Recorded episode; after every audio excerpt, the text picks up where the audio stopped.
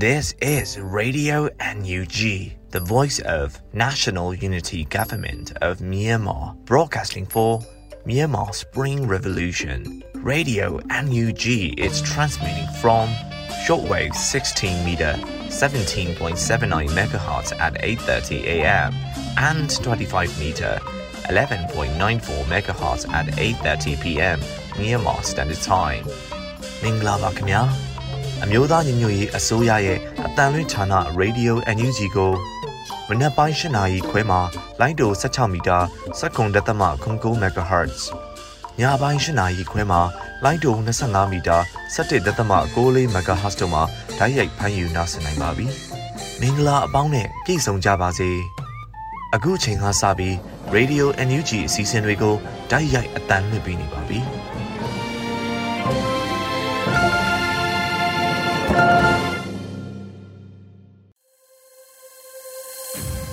မြန်မာနိုင်ငံသူနိုင်ငံသားအပေါင်းတဘာဝဘေးစစ်အာဏာရှင်ဘေးတို့ကနေကင်းဝေးပြီးကိုစိတ်နှပါဘေးကင်းလုံခြုံကြပါစေလို့ Radio NUG အဖွဲ့သားတွေမှဆုတောင်းမေတ္တာပို့သလိုက်ရပါတယ်။အခုချိန်ရစပြီးကာကွယ်ရေးဝန်ကြီးဌာနရဲ့နိုင်စဉ်စီရေးသတင်းအကျဉ်းချုပ်ကိုလွတ်လပ်ຫນွေဦးမှတင်ပြပေးပါတော့မယ်ခင်ဗျာ။အမျိုးသားညီညွတ်ရေးဆိုရကာကွယ်ရေးဝန်ကြီးဌာနရဲ့နိုင်စဉ်စီရေးသတင်းအကျဉ်းချုပ်တွေကိုတင်ပြပေးပါတော့မယ်။ တိုက်ပွဲများမှာအကြမ်းဖက်စစ်ကောင်စီတပ်သား10ဦးသေဆုံးပြီးအကြမ်းဖက်စစ်ကောင်စီတပ်သား2ဦးဒဏ်ရာရရှိခဲ့တယ်လို့သိရှိရပါတယ်။အဆိုပါစစ်ကောင်စီနဲ့တိုက်ပွဲဖြစ်ပွားမှုများမှာချင်းပြည်နယ်တွင်နိုဝင်ဘာလ22ရက်နေ့မနက်10:30မိနစ်ခန့်ကဖလန်းမြို့နယ်တီးပေါ်တပ်စခန်းအနီးတွင်စစ်ကောင်စီတပ်က MI35 ဖြင့် CNDF နဲ့ပူးပေါင်းကာကွယ်ရေးတပ်ဖွဲ့များအားလာရောက်ပစ်ခတ်ခဲ့ပါတယ်။ မနက်7:20မိနစ်တွင် MI35 ဖြင့်ရိုက်ခါများဖြစ်တင်ခဲ့ပြီးမနက်7:38မိနစ်တွင်စစ်ကောင်စီတပ်များကို CNTF မှလက်ဖြတ်တပ်သားစနိုက်ပါများကချောင်းမြောင်းပစ်ခတ်ခဲ့ရာစစ်ကောင်စီတပ်သား2ဦးသေဆုံးပြီးကြီး200ကျော်သိမ်းဆည်းခဲ့မိကြောင်းသိရပါတယ်။ မွန်ပြည်နယ်တွင်နိုဝင်ဘာလ22ရက်နေ့မနက်9:00နာရီမှနေ့လယ်10:00နာရီထိကြိုက်မရောမြို့နယ်လှကဆိုင်ကျေးရွာအုပ်စုတောင်ကလေးရဲကင်းစခန်းအား KNLA KNDO နဲ့ PDF ပူးပေါင်းတပ်ဖွဲ့များကဝင်းရောက်စီးနင်းတိုက်ခိုက်ရမှာစစ်ကောင်စီဗိုလ်ကြီးအပါဝင်9ဦးသေဆုံး၍ရဲတပ်ကြပ်ကြီးအပါဝင်3ဦးသေဆုံးခဲ့ပါတယ်။ရဲနှုတ်ပြင်းထန်စွာဒဏ်ရာရ၍ပူးပေါင်းအဖွဲ့မှတဦးကြဆုံးက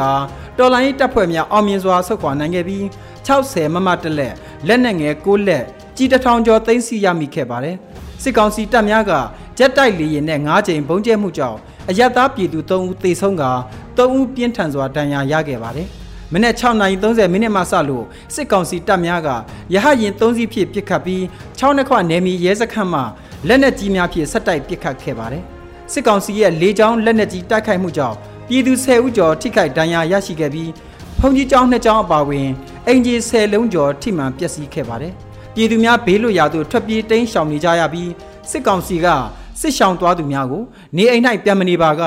နေအိမ်များကိုမိရှုပစ်မယ်လို့ချိန်ချောက်ခဲ့ပါတယ်။သောတာရှင်များခင်ဗျာဆက်လက်ပြီးတော့စစ်ကောင်စီကျူးလွန်ခဲ့သောရာဇဝတ်မှုများကိုတင်ပြပေးပါမယ်။စကိုင်းတိုင်းတွင်နိုဝင်ဘာလ22ရက်နေ့ကကျွန်းလှမြို့နယ်ခဝါသည်ကြီးရွာသို့စစ်ကောင်စီတပ်သားများဝင်ရောက်ခဲ့ပြီးနေအိမ်များကိုမိရှို့ဖျက်ဆီးခဲ့ကြပါတယ်။ နိုဝင်ဘာ20ရက်နေ့ညနေ9:30မိနစ်ခန့်က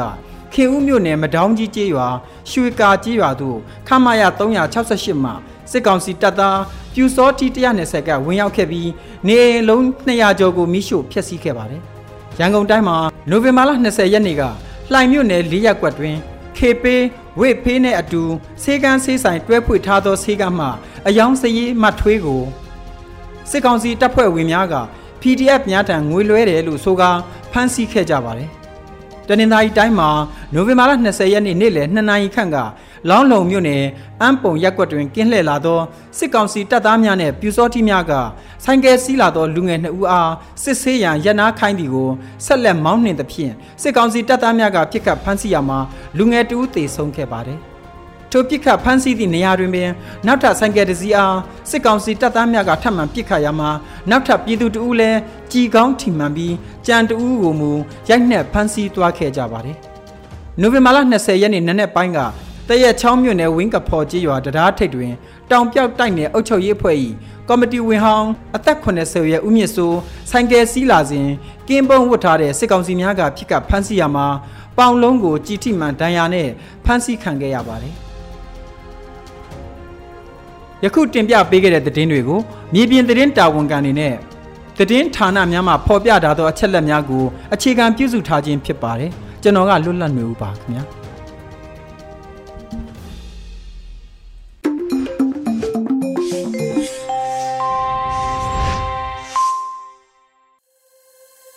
ရေဒီယိုအန်ယူဂျီမှဆက်လက်အတန်လွှင့်နေပါတယ်။အခုတခါနောက်ဆုံးရသတင်းများကိုတော့ຫນွေဦးမိုင်မှတင်ပြပေးသွားမှာပဲဖြစ်ပါတယ်ခင်ဗျာ။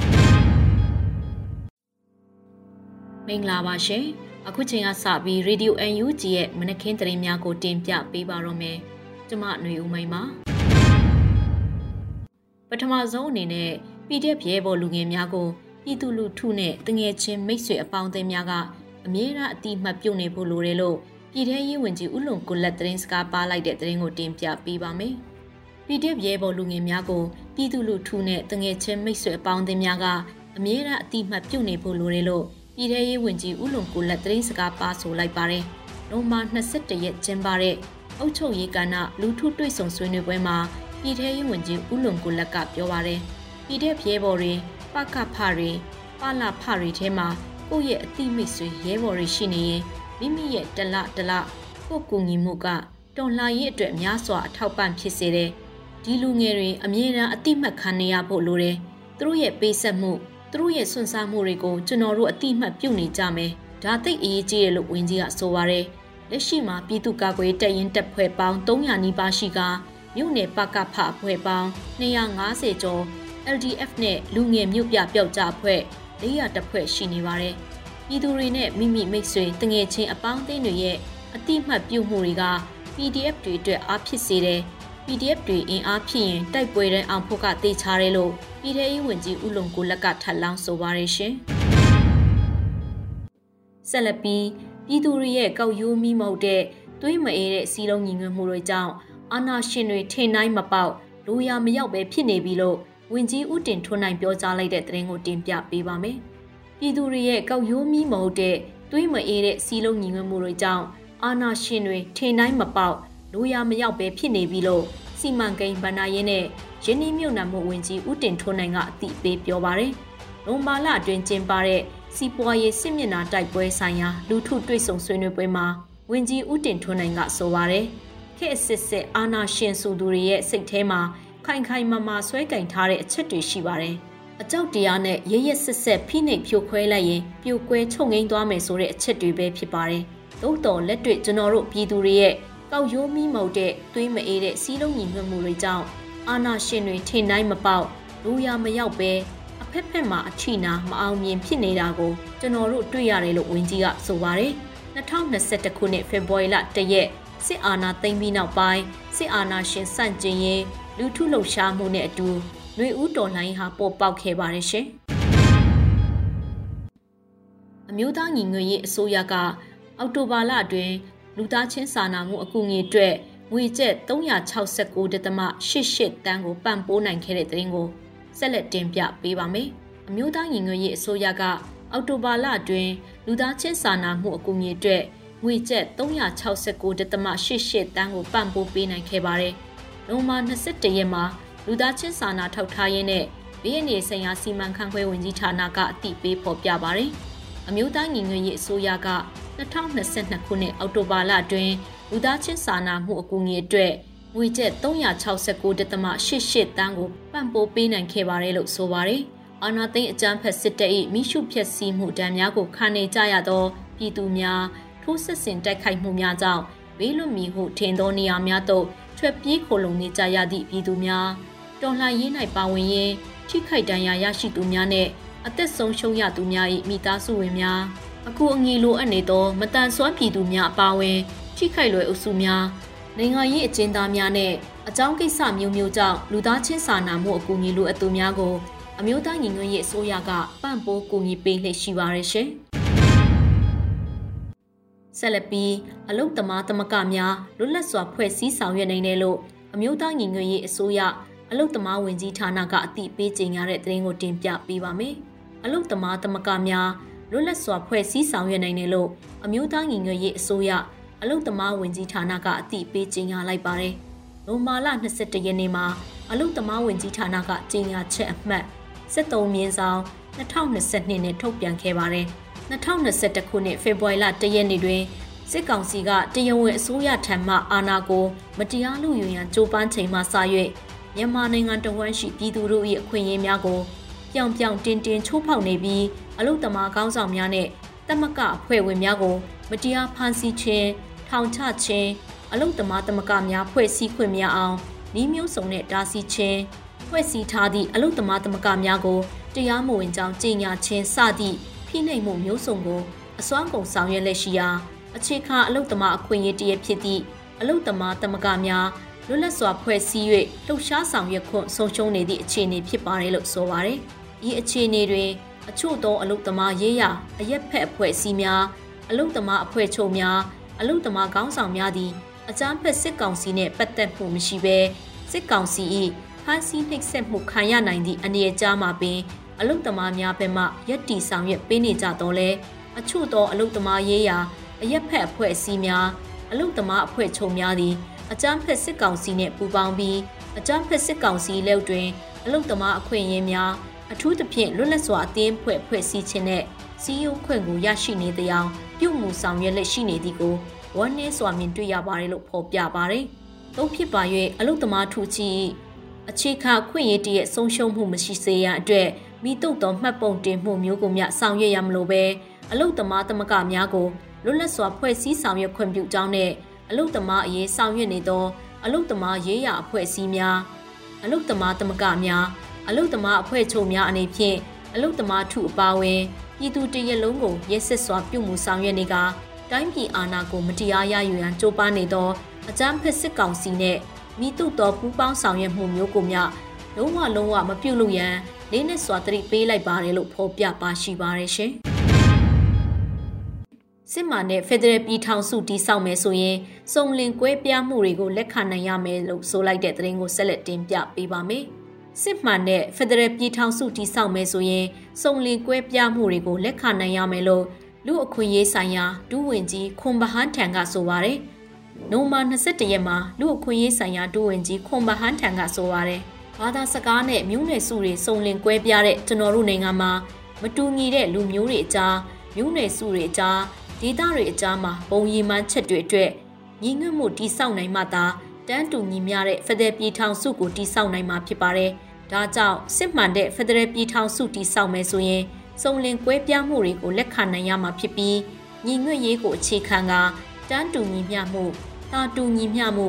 အပြန်အလှန်လေးစားအတိမတ်ပြုမှုတွေနဲ့တိစောက်ရမှာဖြစ်တယ်လို့သုံးသပ်မိပါတယ်လို့ဆိုပါတယ်။လက်ရှိအမျိုးသားညီညွတ်ရေးအစိုးရဟာဖက်ဒရယ်စနစ်ကိုအခြေခံကရှောက်လှမ်းနေပြီး တိုင်းသားတော်လှန်ရေးအင်အားစုများကိုလည်းဖိတ်ခေါ်ဆွေးနွေးမှုများမပြတ်ဆောင်ရွက်နေပါရရှင်။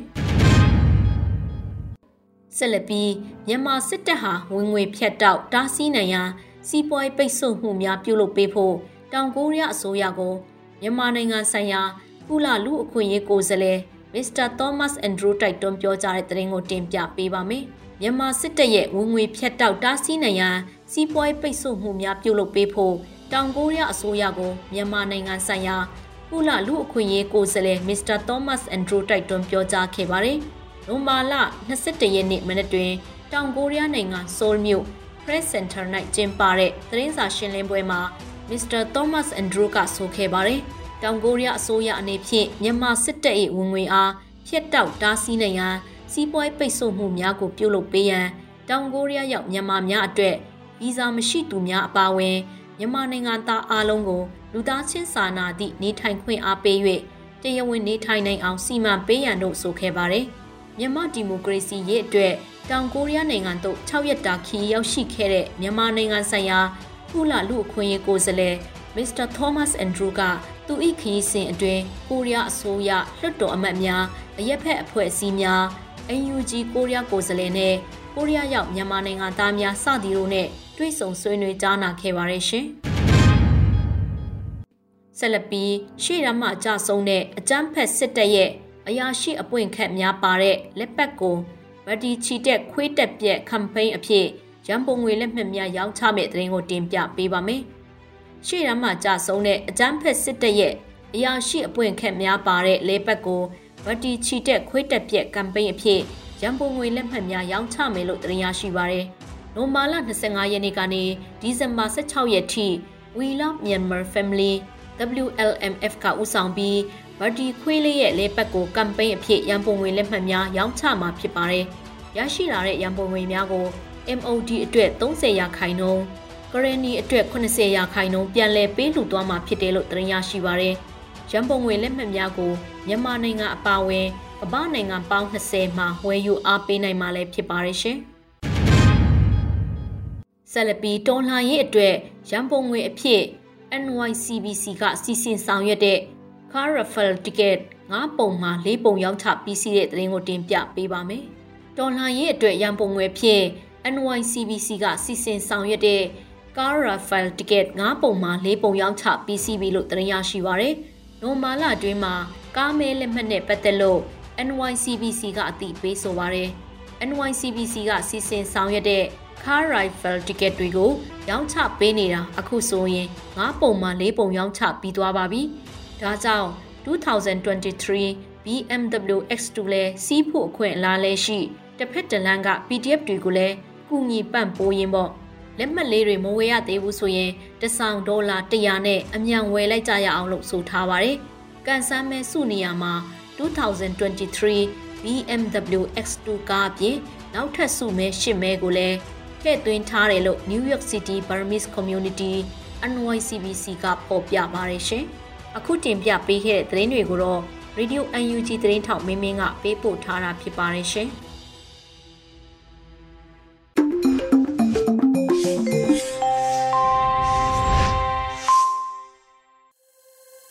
Radio NUG ရဲ့တော်တာရှင်များအတွက်ဒေါ်လာရေးကြပြကဏ္ဍကိုဆက်လက်အသံလွှင့်သွားမှာဖြစ်ပါတယ်။ ရေရောင်ဆောင်ခြင်းအမည်ရတဲ့ဒေါ်လာရေးကြပြကိုတော့နေသန်နှန်းရေးသားပြီးຫນွေဦးမိုးမှဖတ်ကြားတင်ဆက်ပေးမှာဖြစ်ပါတယ်ခင်ဗျာ။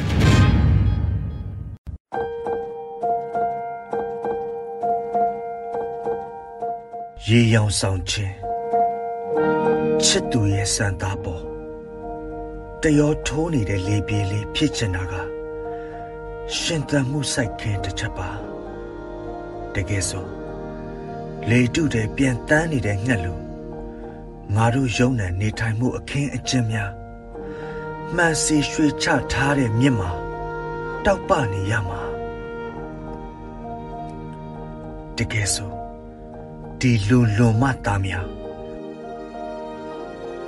ကုံတုံးအိတ်ထဲတတိပြက်ခဲ့ရင်အာရှကြားလဲငါတို့ဖြစ်နိုင်တာကို့အယုတ်ကိုမသိနိုင်တော့တဲ့နိုင်ငံတော်ကြီးမှာနေရောင်ကိုကြည့်တဲ့အခါ အရသာရှိခြင်းစိတ်နဲ့တနေ့တော့အခါတရားအောင်အိတ်ဆက်နေတဲ့အိမ်မက်ဆိုင်ခင်းများအတွက်ထမင်းမိုးများရွာပါစေစိတ်ကူးများမြစ်လိုကူးလို့မိသားစုဖြိုရည်တောက်ချင်ရောစိတ်အတွင်းသားတစ်ခတ်ပါသွေးနဲ့ရမ်းနှံ့သိမ်းနေတဲ့မိစ္ဆာခင်မှာအတန်မစုံတဲ့ဂီတအဖော်မစုံတဲ့ထမင်းပွဲ နှုတ်ဆက်လက်စချစ်ချင်းမြတ်တာစိုက်ပျိုးလက်စအိယာမနိုးထမီအသေးလည်းမကွဲလမ်းလည်းခွဲခဲ့ကြအိမ်ရှိစပယ်ုံလေးရဲခနဲ့ပွင့်ဝေသွားခဲ့တယ်ရေဒီယိုမှာမဖတ်တည်င်းဆောင်မှာမပြောရုပ်တံမှာမမြင်ကြားခုတ်တာတစ်ချောင်းလုံး ဓမ္မကိုစောက်ကင်လို့အညာတရပန်းပွင့်များတောအုပ်တောင်တန်းလူငယ်များသိချင်းတရားကိုရီမောတန့်စင်ပြစ်ကြတယ်အရေးမကြီးဘူးဆိုလဲအရေးမကြီးအရေးကြီးတယ်ဆိုလဲအရေးကြီးတယ်အစင်ပြေလားမင်းရင်မပြေဘူးအစင်ပြေလားမင်းရင်ပြည်တယ်ရေလိုနေထိုင်ကြတော့တယ် နေသွင်းနိုင်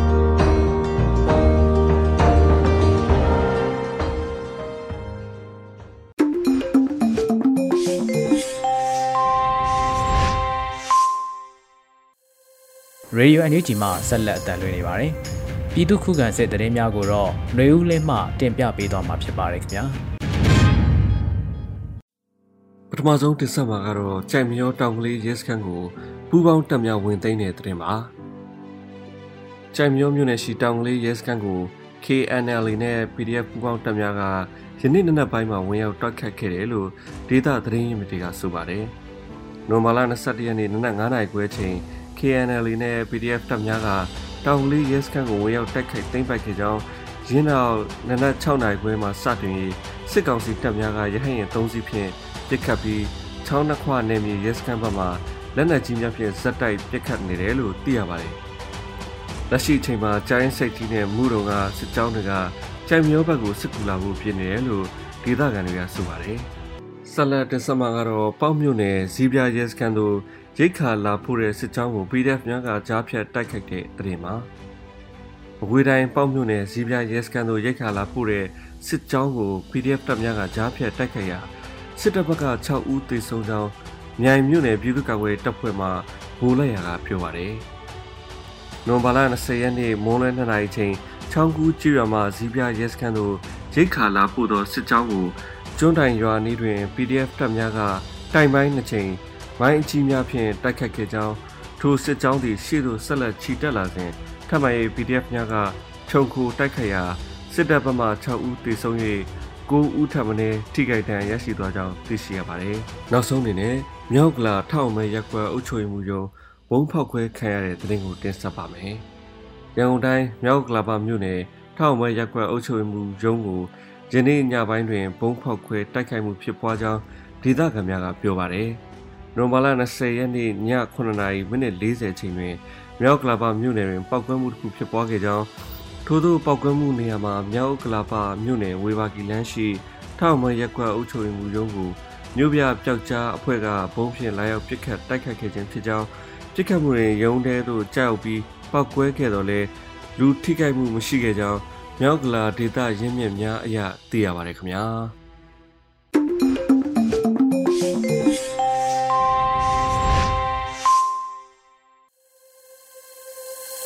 အခုတခါတော်တာရှင်များအတွက်တော်လိုင်းဂီတအစီအစဉ်အနေနဲ့ Motions Rock Band ရဲ့ຫນွေဦးတော်လိုင်းရေးတခြင်းကိုခန်းစားနားဆင်ကြကြပါခင်ဗျာ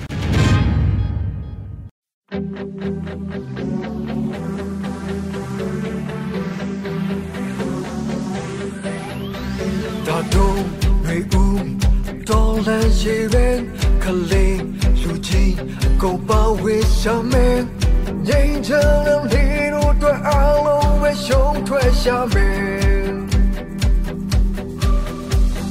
လမ်းလမ်းနဲ့ရှစတဲ့စအုံချုံယူမြအောင်ဝေး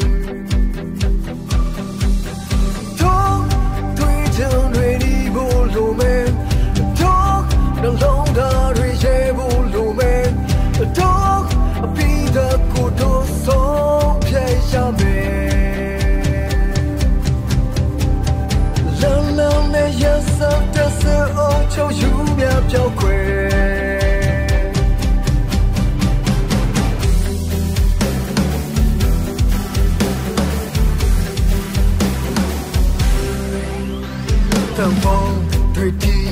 ကုန်ကြီးညာရောက်မယ်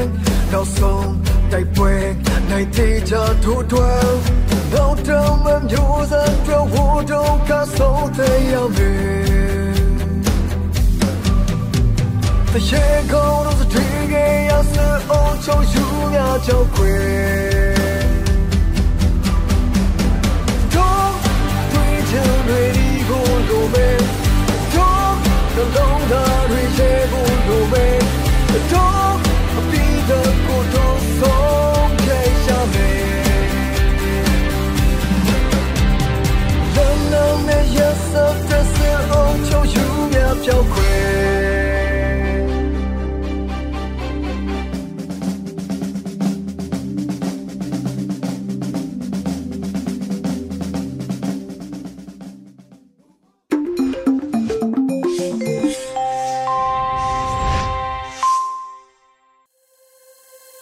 ရစတဲ့စအောင်ချုံယူများပြောက်ခွေရေဒီယို NUG မှဆက်လက်အသံလွှင့်နေပါတယ်။နေ့စဉ်သတင်းများကိုတော့မျိုးတော်ရာမှတင်ပြပေးသွားမှာပဲဖြစ်ပါတယ်ခင်ဗျာအခုချိန်ကစပြီး PPTV သတင်းတွေကိုတင်ဆက်ပေးတော့မှာပါကျွန်မမျိုးတော်တာပါ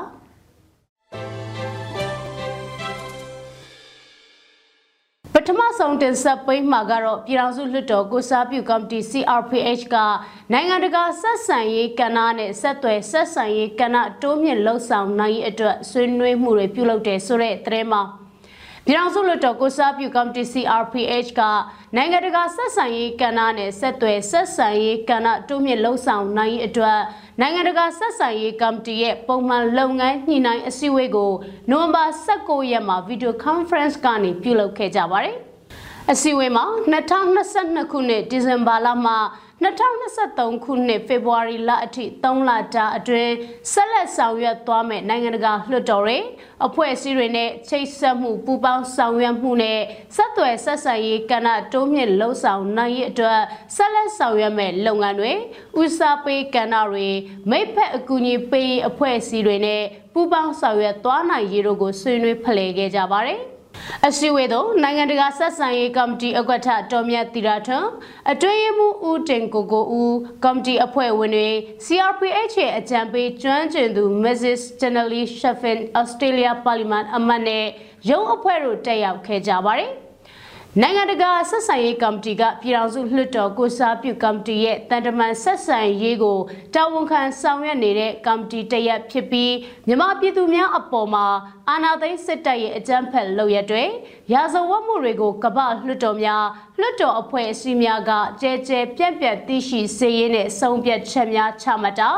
သက်ဆိုင်ရာအစိုးရများတို့တိုက်တွန်းခြင်းကဲ့သို့အကူအညီတွေရရှိနိုင်ရေးနိုင်ငံတကာလွှတ်တော်များလွှတ်တော်ကိုယ်စားလှယ်များပါလီမန်အဖွဲ့များအစည်းအဝေးနဲ့ချိတ်ဆက်ပူးပေါင်းဆောင်ရွက်လျက်ရှိပါတယ်။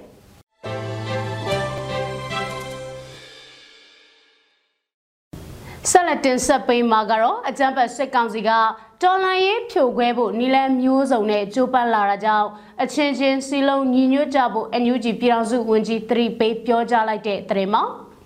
အကြမ်းဖက်စစ်ကောင်စီကတော်လှန်ရေးဖြိုခွဲဖို့နီလန်မျိုးစုံနဲ့ကြိုးပမ်းလာတာကြောင့်အချင်းချင်းစီလုံးညီညွတ်ကြဖို့အမျိုးသားညွရေးအစိုးရပညာရေးကျန်းမာရေးဝန်ကြီးဌာနပြည်ထောင်စုဝန်ကြီးဒေါက်တာဇော်ဝေဆိုးကပြောကြားလိုက်ပါတယ် အမျိုးသားညွရေးအစိုးရဂျာကာလာတေသန္တရပြည်သူ့အုပ်ချုပ်ရေးဖော်ဆောင်မှုဗဟိုကော်မတီနဲ့အထူးအုပ်ချုပ်ရေးဒေသပြည်သူ့အုပ်ချုပ်ရေးအဖွဲ့များတွဲဆုံဆွေးနွေးပွဲကိုနိုဝင်ဘာလ20ရက်မှာပြုလုပ်ခဲ့ရမှာအခုလိုသတိပေးပြောကြားခဲ့တာပါ။ဒေါ်လာရေးရဲ့အရေးကြီးဆုံးကစီလုံးညီညွတ်ခြင်းနဲ့ပြည်သူလူထုအားလုံးပါဝင်မှုဖြစ်တဲ့ လုပ်ငန်းများဆောင်ရွက်ရမှာလုံခြုံရေးအထူးတတိပြုပြီးချိတ်ဆက်ဆောင်ရွက်သွားကြဖို့စစ်ကောင်စီကဒေါ်လာရေးဖြိုခွဲဖို့နီလန်မျိုးစုံနဲ့ကြိုးပမ်းလာတာကြောင့်အဖွဲ့ဝင်တွေအချင်းချင်းစီလုံးညီညွတ်ကြဖို့ပြည်ထောင်စုဝန်ကြီးကတရိပေးတိုက်တွန်းခဲ့ပါတယ် အဲ့ဒီအပြင်စီမံခန့်ခွဲမှုကိုစနစ်တကျဆောင်ရွက်သွားရေးစစ်ကိုင်းမကွေးတိုင်းတို့ရဲ့တပိတ်အင်အားစုတွေဟာပြည်သူလူထုရဲ့ဆွလွတ်ဆွစားမှုကိုဖော်ပြနေတာကြောင့်တော်လှန်ရေးကိုအင်အားဖြစ်စေကြောင်းမြေပြင်ရှိပြည်သူတွေရဲ့ကြုံတွေ့နေရတဲ့ခံစားမှုတွေကို တွေ့မြင်နေရပြီးတော့တော်လှန်ရေးကိုပိုင်ပိုင်နိုင်နိုင်နဲ့အကောင့်ထဲပေါ်ကျော်လွှားသွားရမှာဖြစ်ကြောင်းပြည်ထောင်စုဝန်ကြီးကဆက်လက်ပြောကြားခဲ့ပါတယ်။ ဆက်လက်ပြီးအထူးအုပ်ချုပ်ရေးဒေသအတွင်းဗဏ္ဍာရေးလျှက်စစ်ဆက်သွယ်ရေးအခွန်ကောက်ခံမှုကာကွယ်ရေးကျန်းမာရေးပညာရေးတရားစီရင်ရေးဒေယံဇာတနဲ့တဘာဝပတ်ဝန်းကျင်ထိန်းသိမ်းရေးအပါအဝင်ကဏ္ဍလိုက်လုပ်ငန်းဆောင်ရွက်ထားရှိမှုတွေကိုဌာနဆိုင်ရာတွေကရှင်းလင်းဆွေးနွေးခဲ့ပြီးအထူးအုပ်ချုပ်ရေးဒေသပြည်သူ့အုပ်ချုပ်ရေးအဖွဲ့များမှမြေပြင်မှာတွေ့ကြုံနေရတဲ့အခက်အခဲတွေနဲ့သိရှိလိုတာတွေကိုအပြန်အလှန်ဆွေးနွေးခဲ့ကြပါတယ်။ အစည်းအဝေးကိုအထူးအုပ်ချုပ်ရေးဒေသမှပြည်သူ့အုပ်ချုပ်ရေးအဖွဲ့ကောင်းဆောင်များအဖွဲ့ဝင်များနဲ့သက်ဆိုင်ရာဝန်ကြီးဌာနတွေကဝန်ကြီးများဒုတိယဝန်ကြီးများအမြဲတမ်းအတွင်းဝင်များညွှန်ကြားရေးမှူးချုပ်များညွှန်ကြားရေးမှူးများတက်ရောက်ခဲ့ကြပါတယ်။ကျေးဇူးတင်ပါတယ်ရှင်။ဒီကနေ့ကတော့ဒီညနေပဲ Radio NUG ရဲ့အစည်းအဝေးကိုခਿੱတရရလိုက်ပါမယ်။ မြန်မာစံတော်ချိန်မနက်၈နာရီခွဲနဲ့ည၈နာရီခွဲအချိန်တွေမှာပြန်လည်ဆုံးဖြတ်ကြပါစို့ Radio NUG ကိုမနက်ပိုင်း၈နာရီခွဲမှာလိုင်းဒို16မီတာစက္ကန့်တသမ9 MHz ညပိုင်း၈နာရီခွဲမှာလိုင်းဒို25မီတာ17သမ6 MHz တို့မှာဓာတ်ရိုက်ဖမ်းယူနားဆင်နိုင်ပါပြီမြန်မာနိုင်ငံသူနိုင်ငံသားများကိုစိတ်နှပြချမ်းမာချမ်းသာလို့ဘေးကင်းလုံခြုံကြပါစေလို့ Radio NUG အဖွဲ့သူအဖွဲ့သားများကဆုတောင်းလိုက်ရပါတယ်။အမျိုးသားညီညွတ်ရေးအစိုးရရဲ့စက်သွေးရေးတရင်အချက်အလက်နဲ့ဤပညာဝန်ကြီးဌာနကထုတ်လွှင့်နေတဲ့ Radio NUG ဖြစ်ပါတယ်။ San Francisco Bay Area အခြေစိုက်မြန်မာမိသားစုများနဲ့နိုင်ငံတကာကစေတနာရှင်များလှုပ်အားပေးများရဲ့ Radio NUG ဖြစ်ပါတယ်။အရေးတော်ပုံအောင်ရမည်